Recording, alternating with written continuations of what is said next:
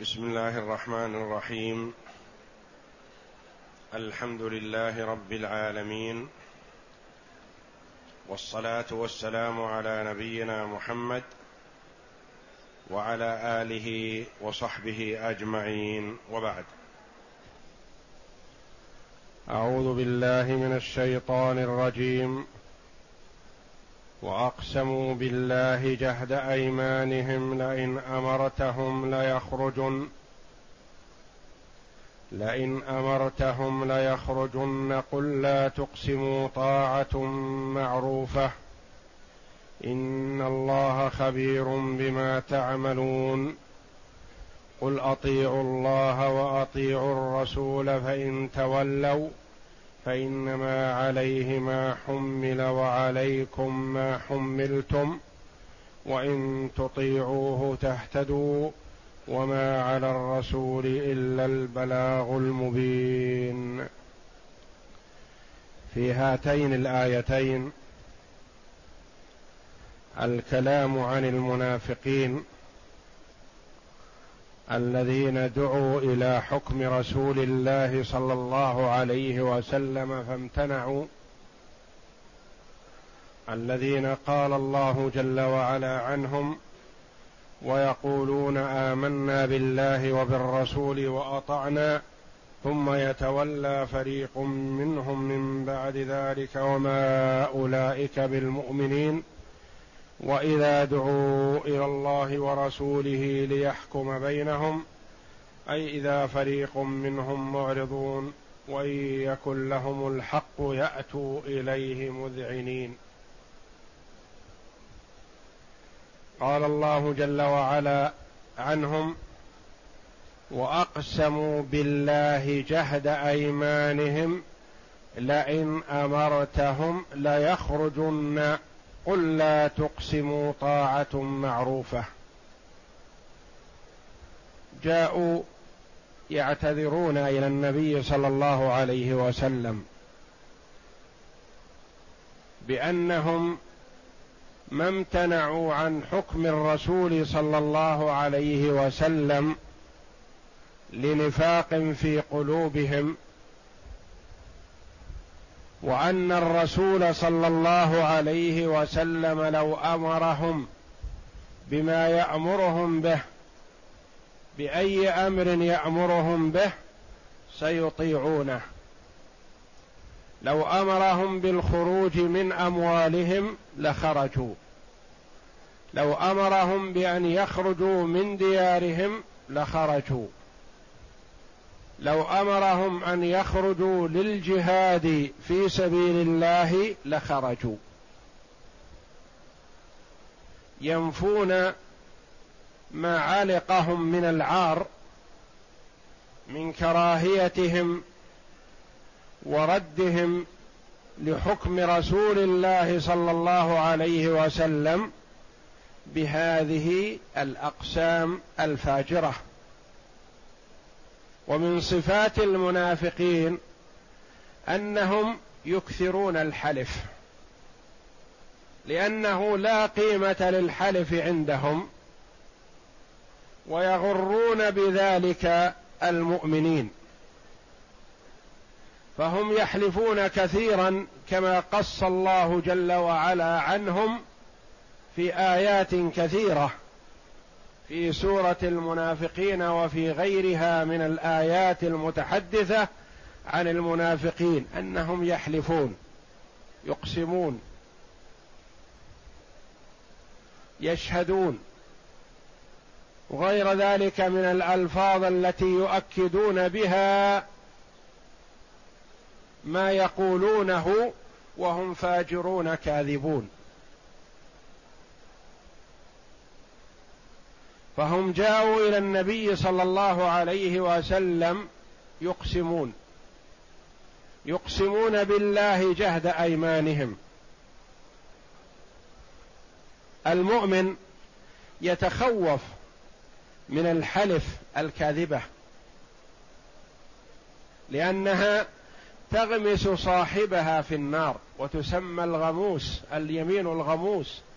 تغمس صاحبها في الإثم وفي النار. فالمؤمن يتحرج من ذلك. ولا يحلف. من حلف على يمين يقتطع بها مال امرئ مسلم لقي الله وهو عليه غضبان. قالوا يا رسول الله وإن كان شيء يسير قال وإن كان قضيبا من أراك. ولا يجوز للمرء أن يحلف إلا ما تيقنه. وأما ما شك فيه فيتركه ولا يحلف عليه. كما كان سلفنا الصالح رحمة الله عليهم. ربما تتوجه إليه اليمين فيفتدي يمينه بماله ولا يحلف. لأنه يشك في صدقه فلا يحلف. وأما إذا تيقن صدقه يقينا فلا ينبغي أن ترده اليمين أن ترده عن أخذ حقه. كما قال عمر رضي الله عنه لا تمنعكم اليمين عن حقوقكم والله إن في يدي عصا ويهز العصا رضي الله عنه. فالحلف إذا كانت صادقة فهي توحيد لله جل وعلا وتعظيم له. وأما إذا كانت فاجرة فهي الغموس التي تغمس صاحبها في الإثم. ومن صفات المنافقين أنهم يكثرون الأيمان الفاجرة الكاذبة وهم يعلمون كذب أنفسهم لأنه لا قيمة لليمين عندهم. ولا خوف من الله جل وعلا.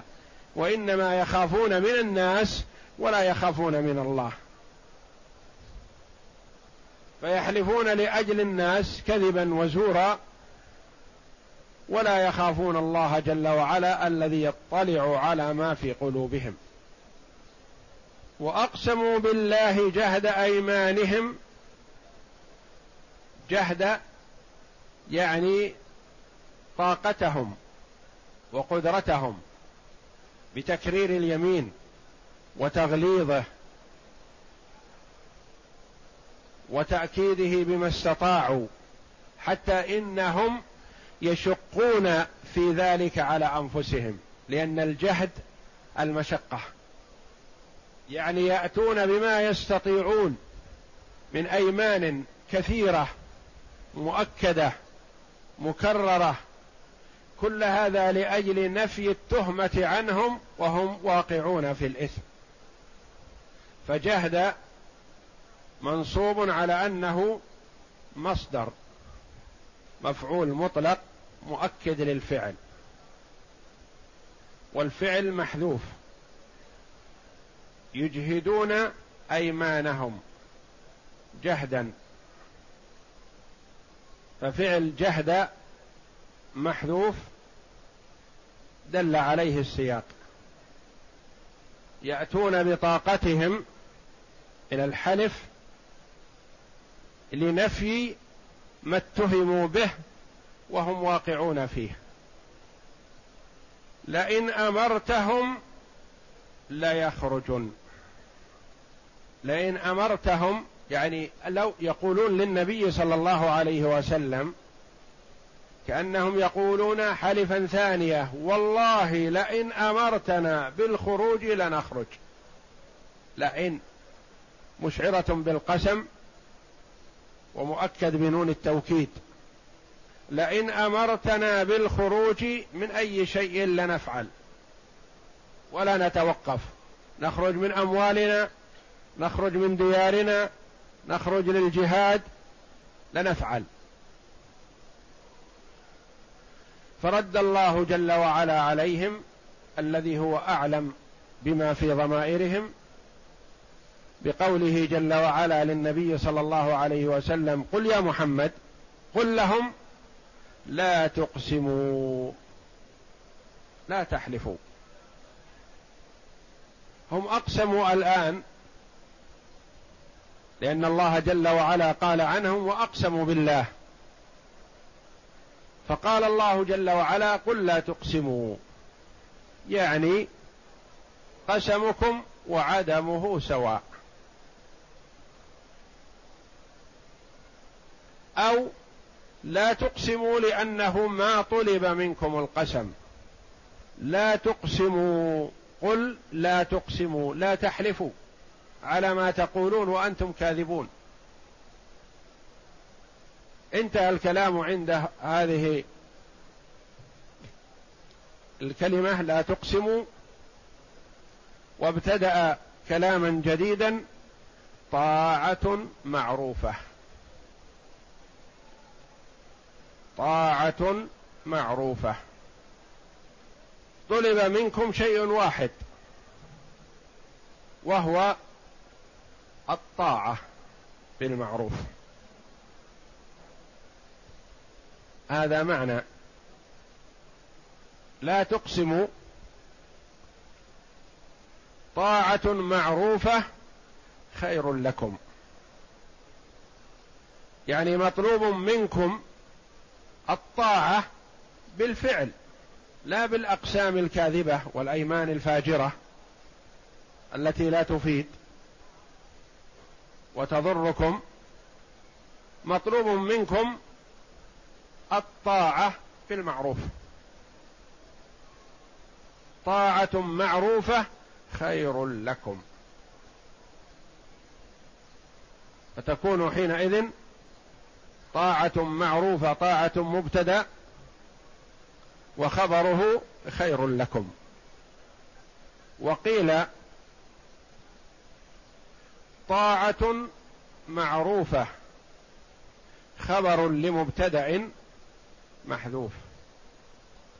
تقديره طاعتكم معروفة. الذي أقسمتم على الطاعة مثل ما سبق مثل ما هو معروف عنكم. طاعتكم معروفة. باللسان فقط وأما بالفعل فلا فلا طاعة عندكم. قل لا تقسموا طاعة معروفة. طاعتكم معروفة. طاعة نفاق. باللسان فقط. وعند طلب التطبيق لا تطبيق. ولا فعل عندكم. فيحتمل المعنى الحث على الطاعة الصادقة. طاعة معروفة خير لكم. أمر لهم وتنبيه إن المطلوب منهم كذا. ويحتمل المعنى أنه على سبيل التحكم بهم. قل لا تقسموا طاعتكم معروفة وهي طاعة النفاق والخيانة والكذب والزور. طاعه معروفة طاعتكم معروفة باللسان فقط وأما في في التطبيق والاستجابة فلا ما جرب عنكم ذلك. ثم أكد جل وعلا الأمر بقوله إن الله خبير بما تعملون. الله جل وعلا مطلع على ما في ضمائركم ويعلم جل وعلا أن طاعتكم هذه طاعة نفاق. والختم بهذا الخاتم الآية يقوي المعنى الثاني طاعتكم معروفة طاعة نفاق لأن الله خبير بما تعملون.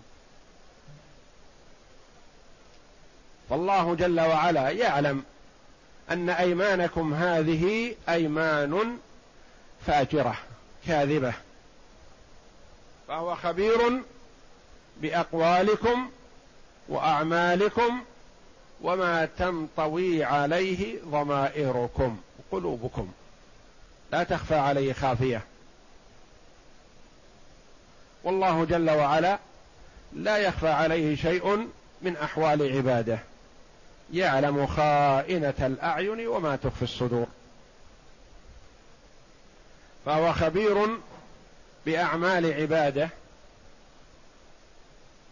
ظاهرها عمل الجوارح وباطنها عمل القلوب.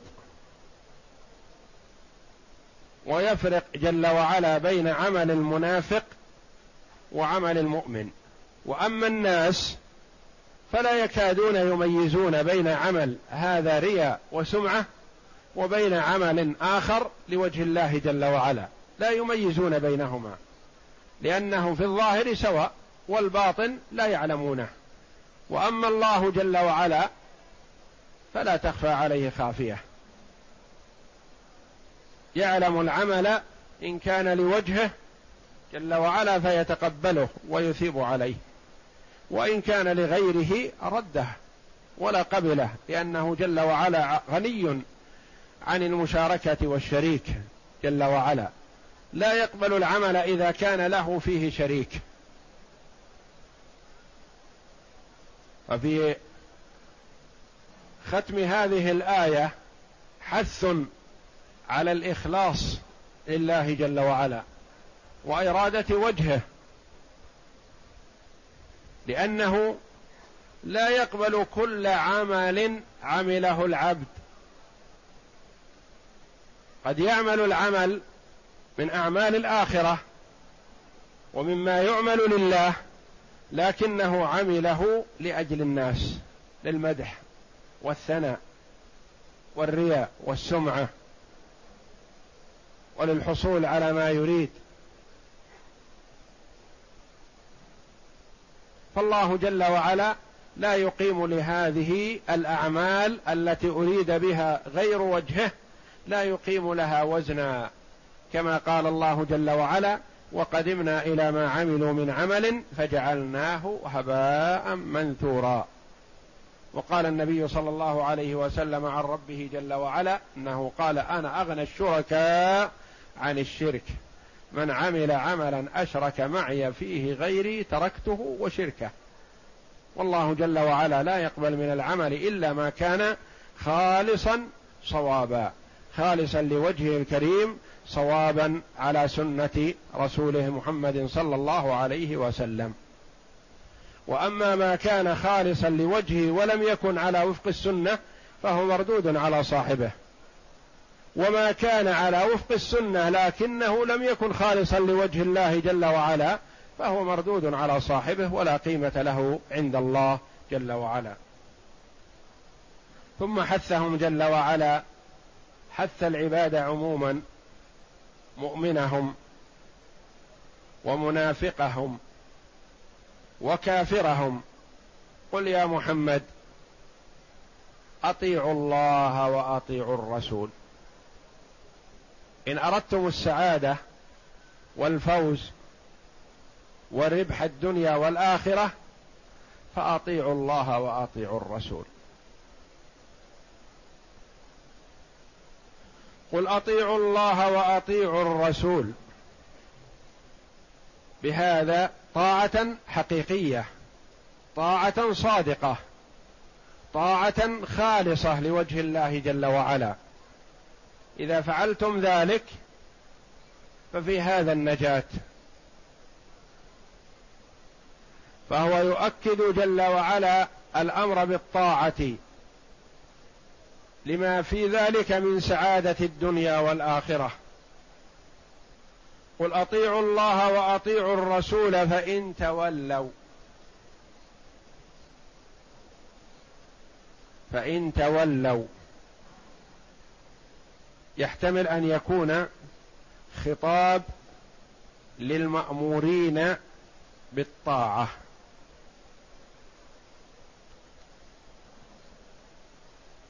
فإن تولوا كان الأمر للنبي صلى الله عليه وسلم بأمرهم ثم خاطبهم. وحذف التاء الأولى تخفيفا الخطاب تتولوا. فإن تتولوا. فيكون الخطاب لهم للمأمورين بالطاعة بعد أمر النبي صلى الله عليه وسلم بأن يأمرهم بذلك. وفي هذا رجوع من مخاطبة النبي صلى الله عليه وسلم قل أطيعوا الله إلى مخاطبة المأمورين أنفسهم. لتأكيد الأمر. والحث لهم على الطاعة والاستجابة. وإظهار العناية بهم لعلهم يطيعوا. فإن تولوا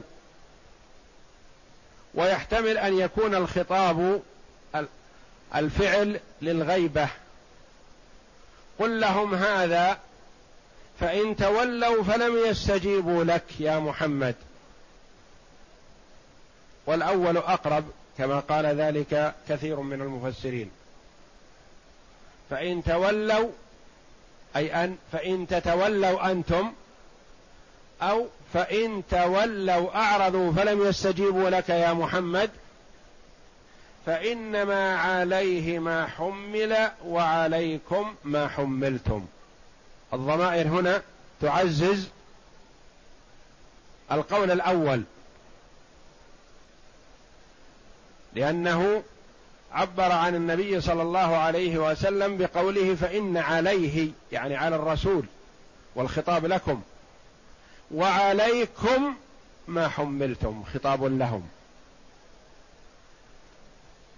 اذا الأقرب فإن تولوا أي فإن تتولوا أنتم فإنما على على الرسول البلاغ وقد أداه وعليكم ما أمرتم به ولم تمتثلوا فتحملتم الحمل الثقيل.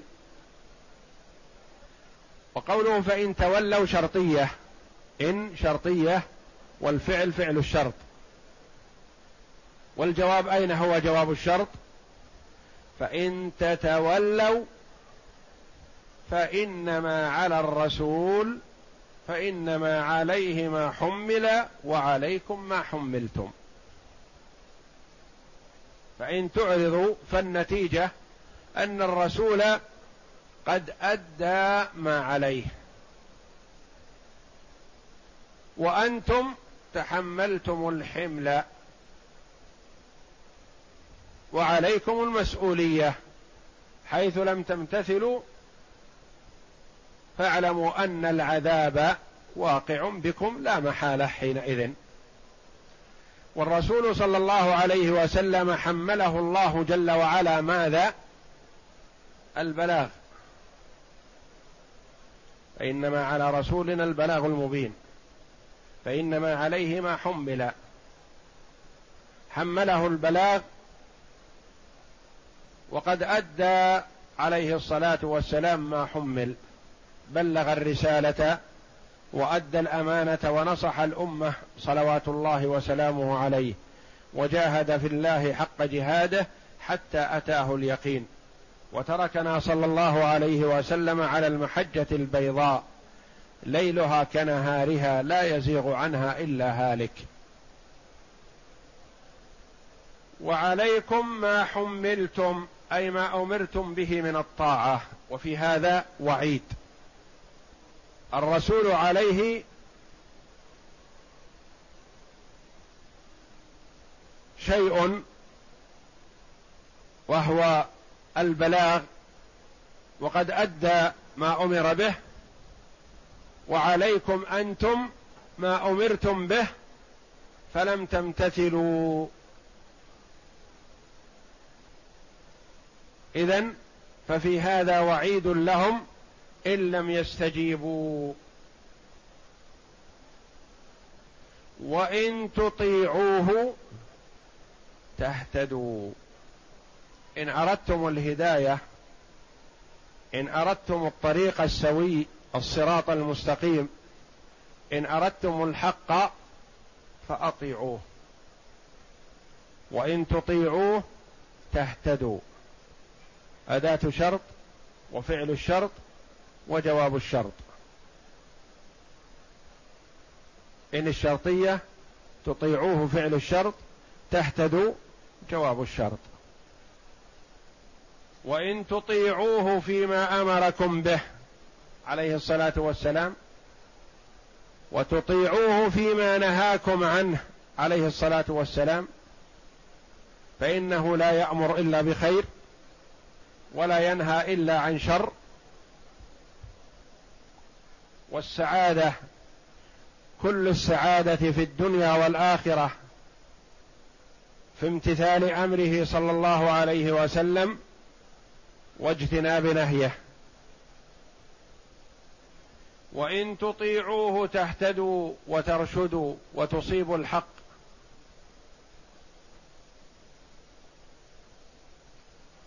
وتفوزوا بالسعادة الأبدية في الدنيا والآخرة.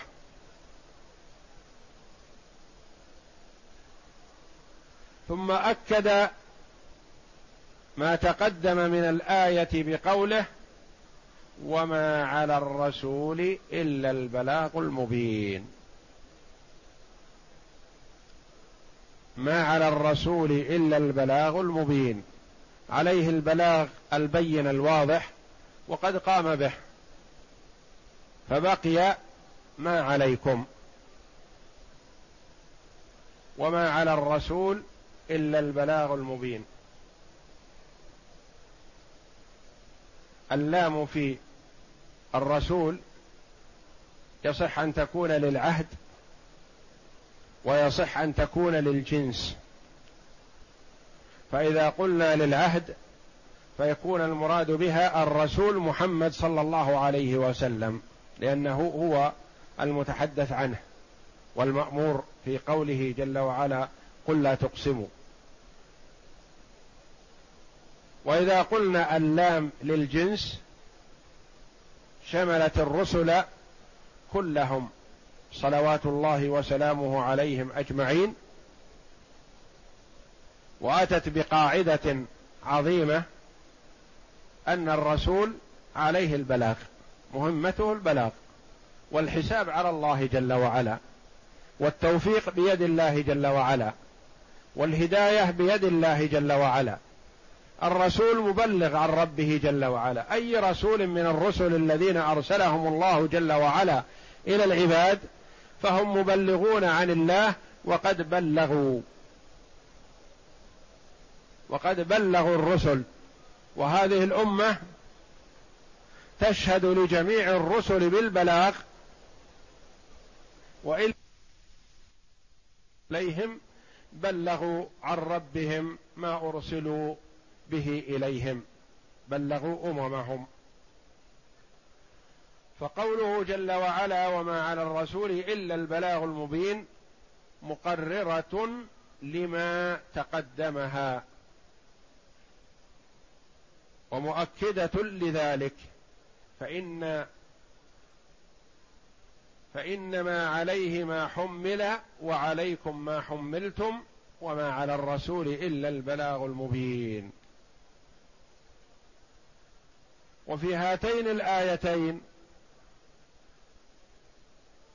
توبيخ للمنافقين على كثرة أيمانهم الكاذبة وتنبيه للمؤمنين بأن لا يكثروا اليمين إلا في حق وصدق وأن لا يحلفوا إلا على حق.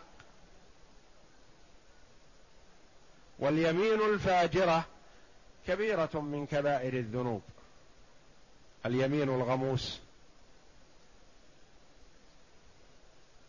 واليمين الصادقة توحيد لله جل وعلا وتعظيم له.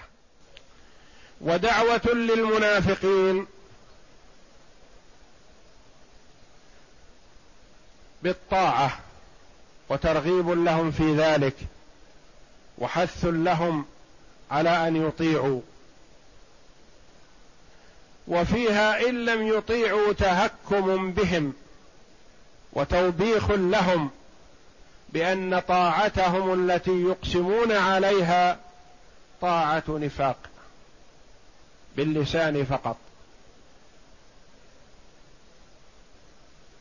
وحث للخلق عموما للثقلين الجن والإنس بطاعة الله جل وعلا وطاعة رسوله صلى الله عليه وسلم. وطاعة الرسول صلى الله عليه وسلم تابعة لطاعة الله جل وعلا لأنه لا يأمر إلا بما فيه طاعة لله جل وعلا.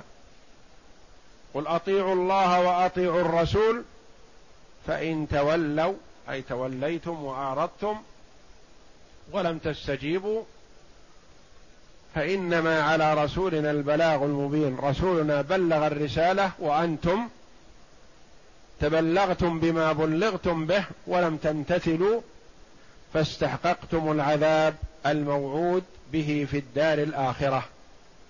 ففي هذا تحذير وتنفير للمرء عن طاعة الله جل وعلا.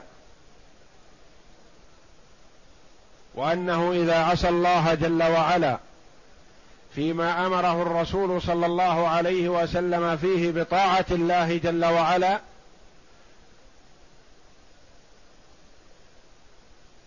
فقد استحق العذاب في الدار الآخرة. والرسول بلغ وأدى ما أمر به. وبين جل وعلا وظيفة الرسل صلوات الله وسلامه عليهم أجمعين أنهم المبلغون عن الله جل وعلا والله جل وعلا هو الذي يتولى السرائر ويتولى محاسبة العباد ويتولى ثوابهم بالطاعة ومعاقبتهم بالمعصية.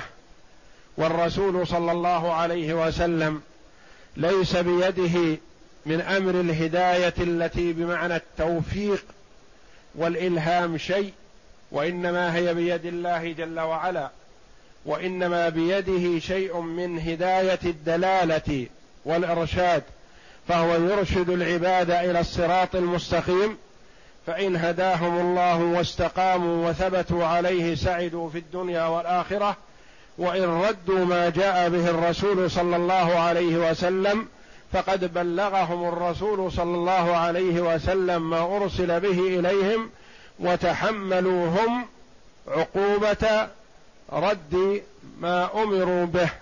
والله أعلم. وصلى الله وسلم وبارك على عبد ورسول نبينا محمد وعلى آله وصحبه أجمعين.